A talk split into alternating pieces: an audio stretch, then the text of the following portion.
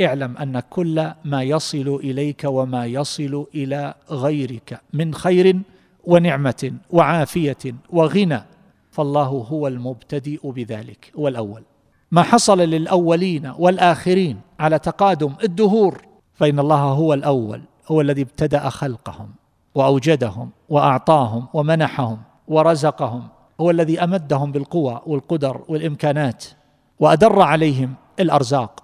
تقول فلان له مال تليد وتالد قديم ورثه عن آبائه وأجداده. الله هو الأول فالذي أعطاه قادر على أن يعطيك لأن بيده خزائن السماوات والأرض. ما بيدك فهو من الله ليس بإمكاناتك ولا قدراتك ولا ذكائك ولا حرفك. إنما الله تبارك وتعالى هو المبتدئ بذلك هو الأول. إذا رأيت من تعجب بعلمه أو خبرته أو فصاحته أو بنعمة أعطاها الله عز وجل له. فاعلم أن الله هو الأول هو الذي ابتدأ بذلك وهو أحق بصفات الكمال.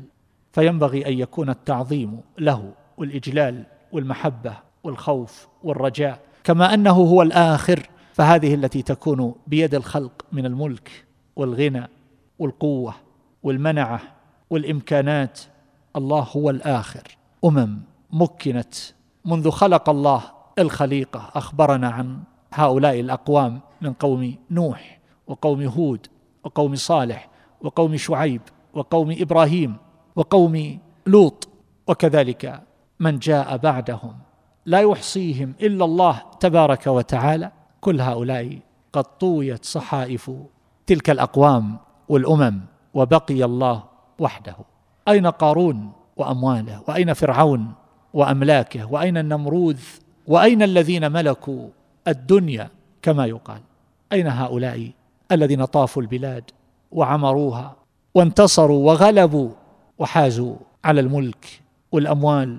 وصار لهم مكانة ومنزلة ومهابة.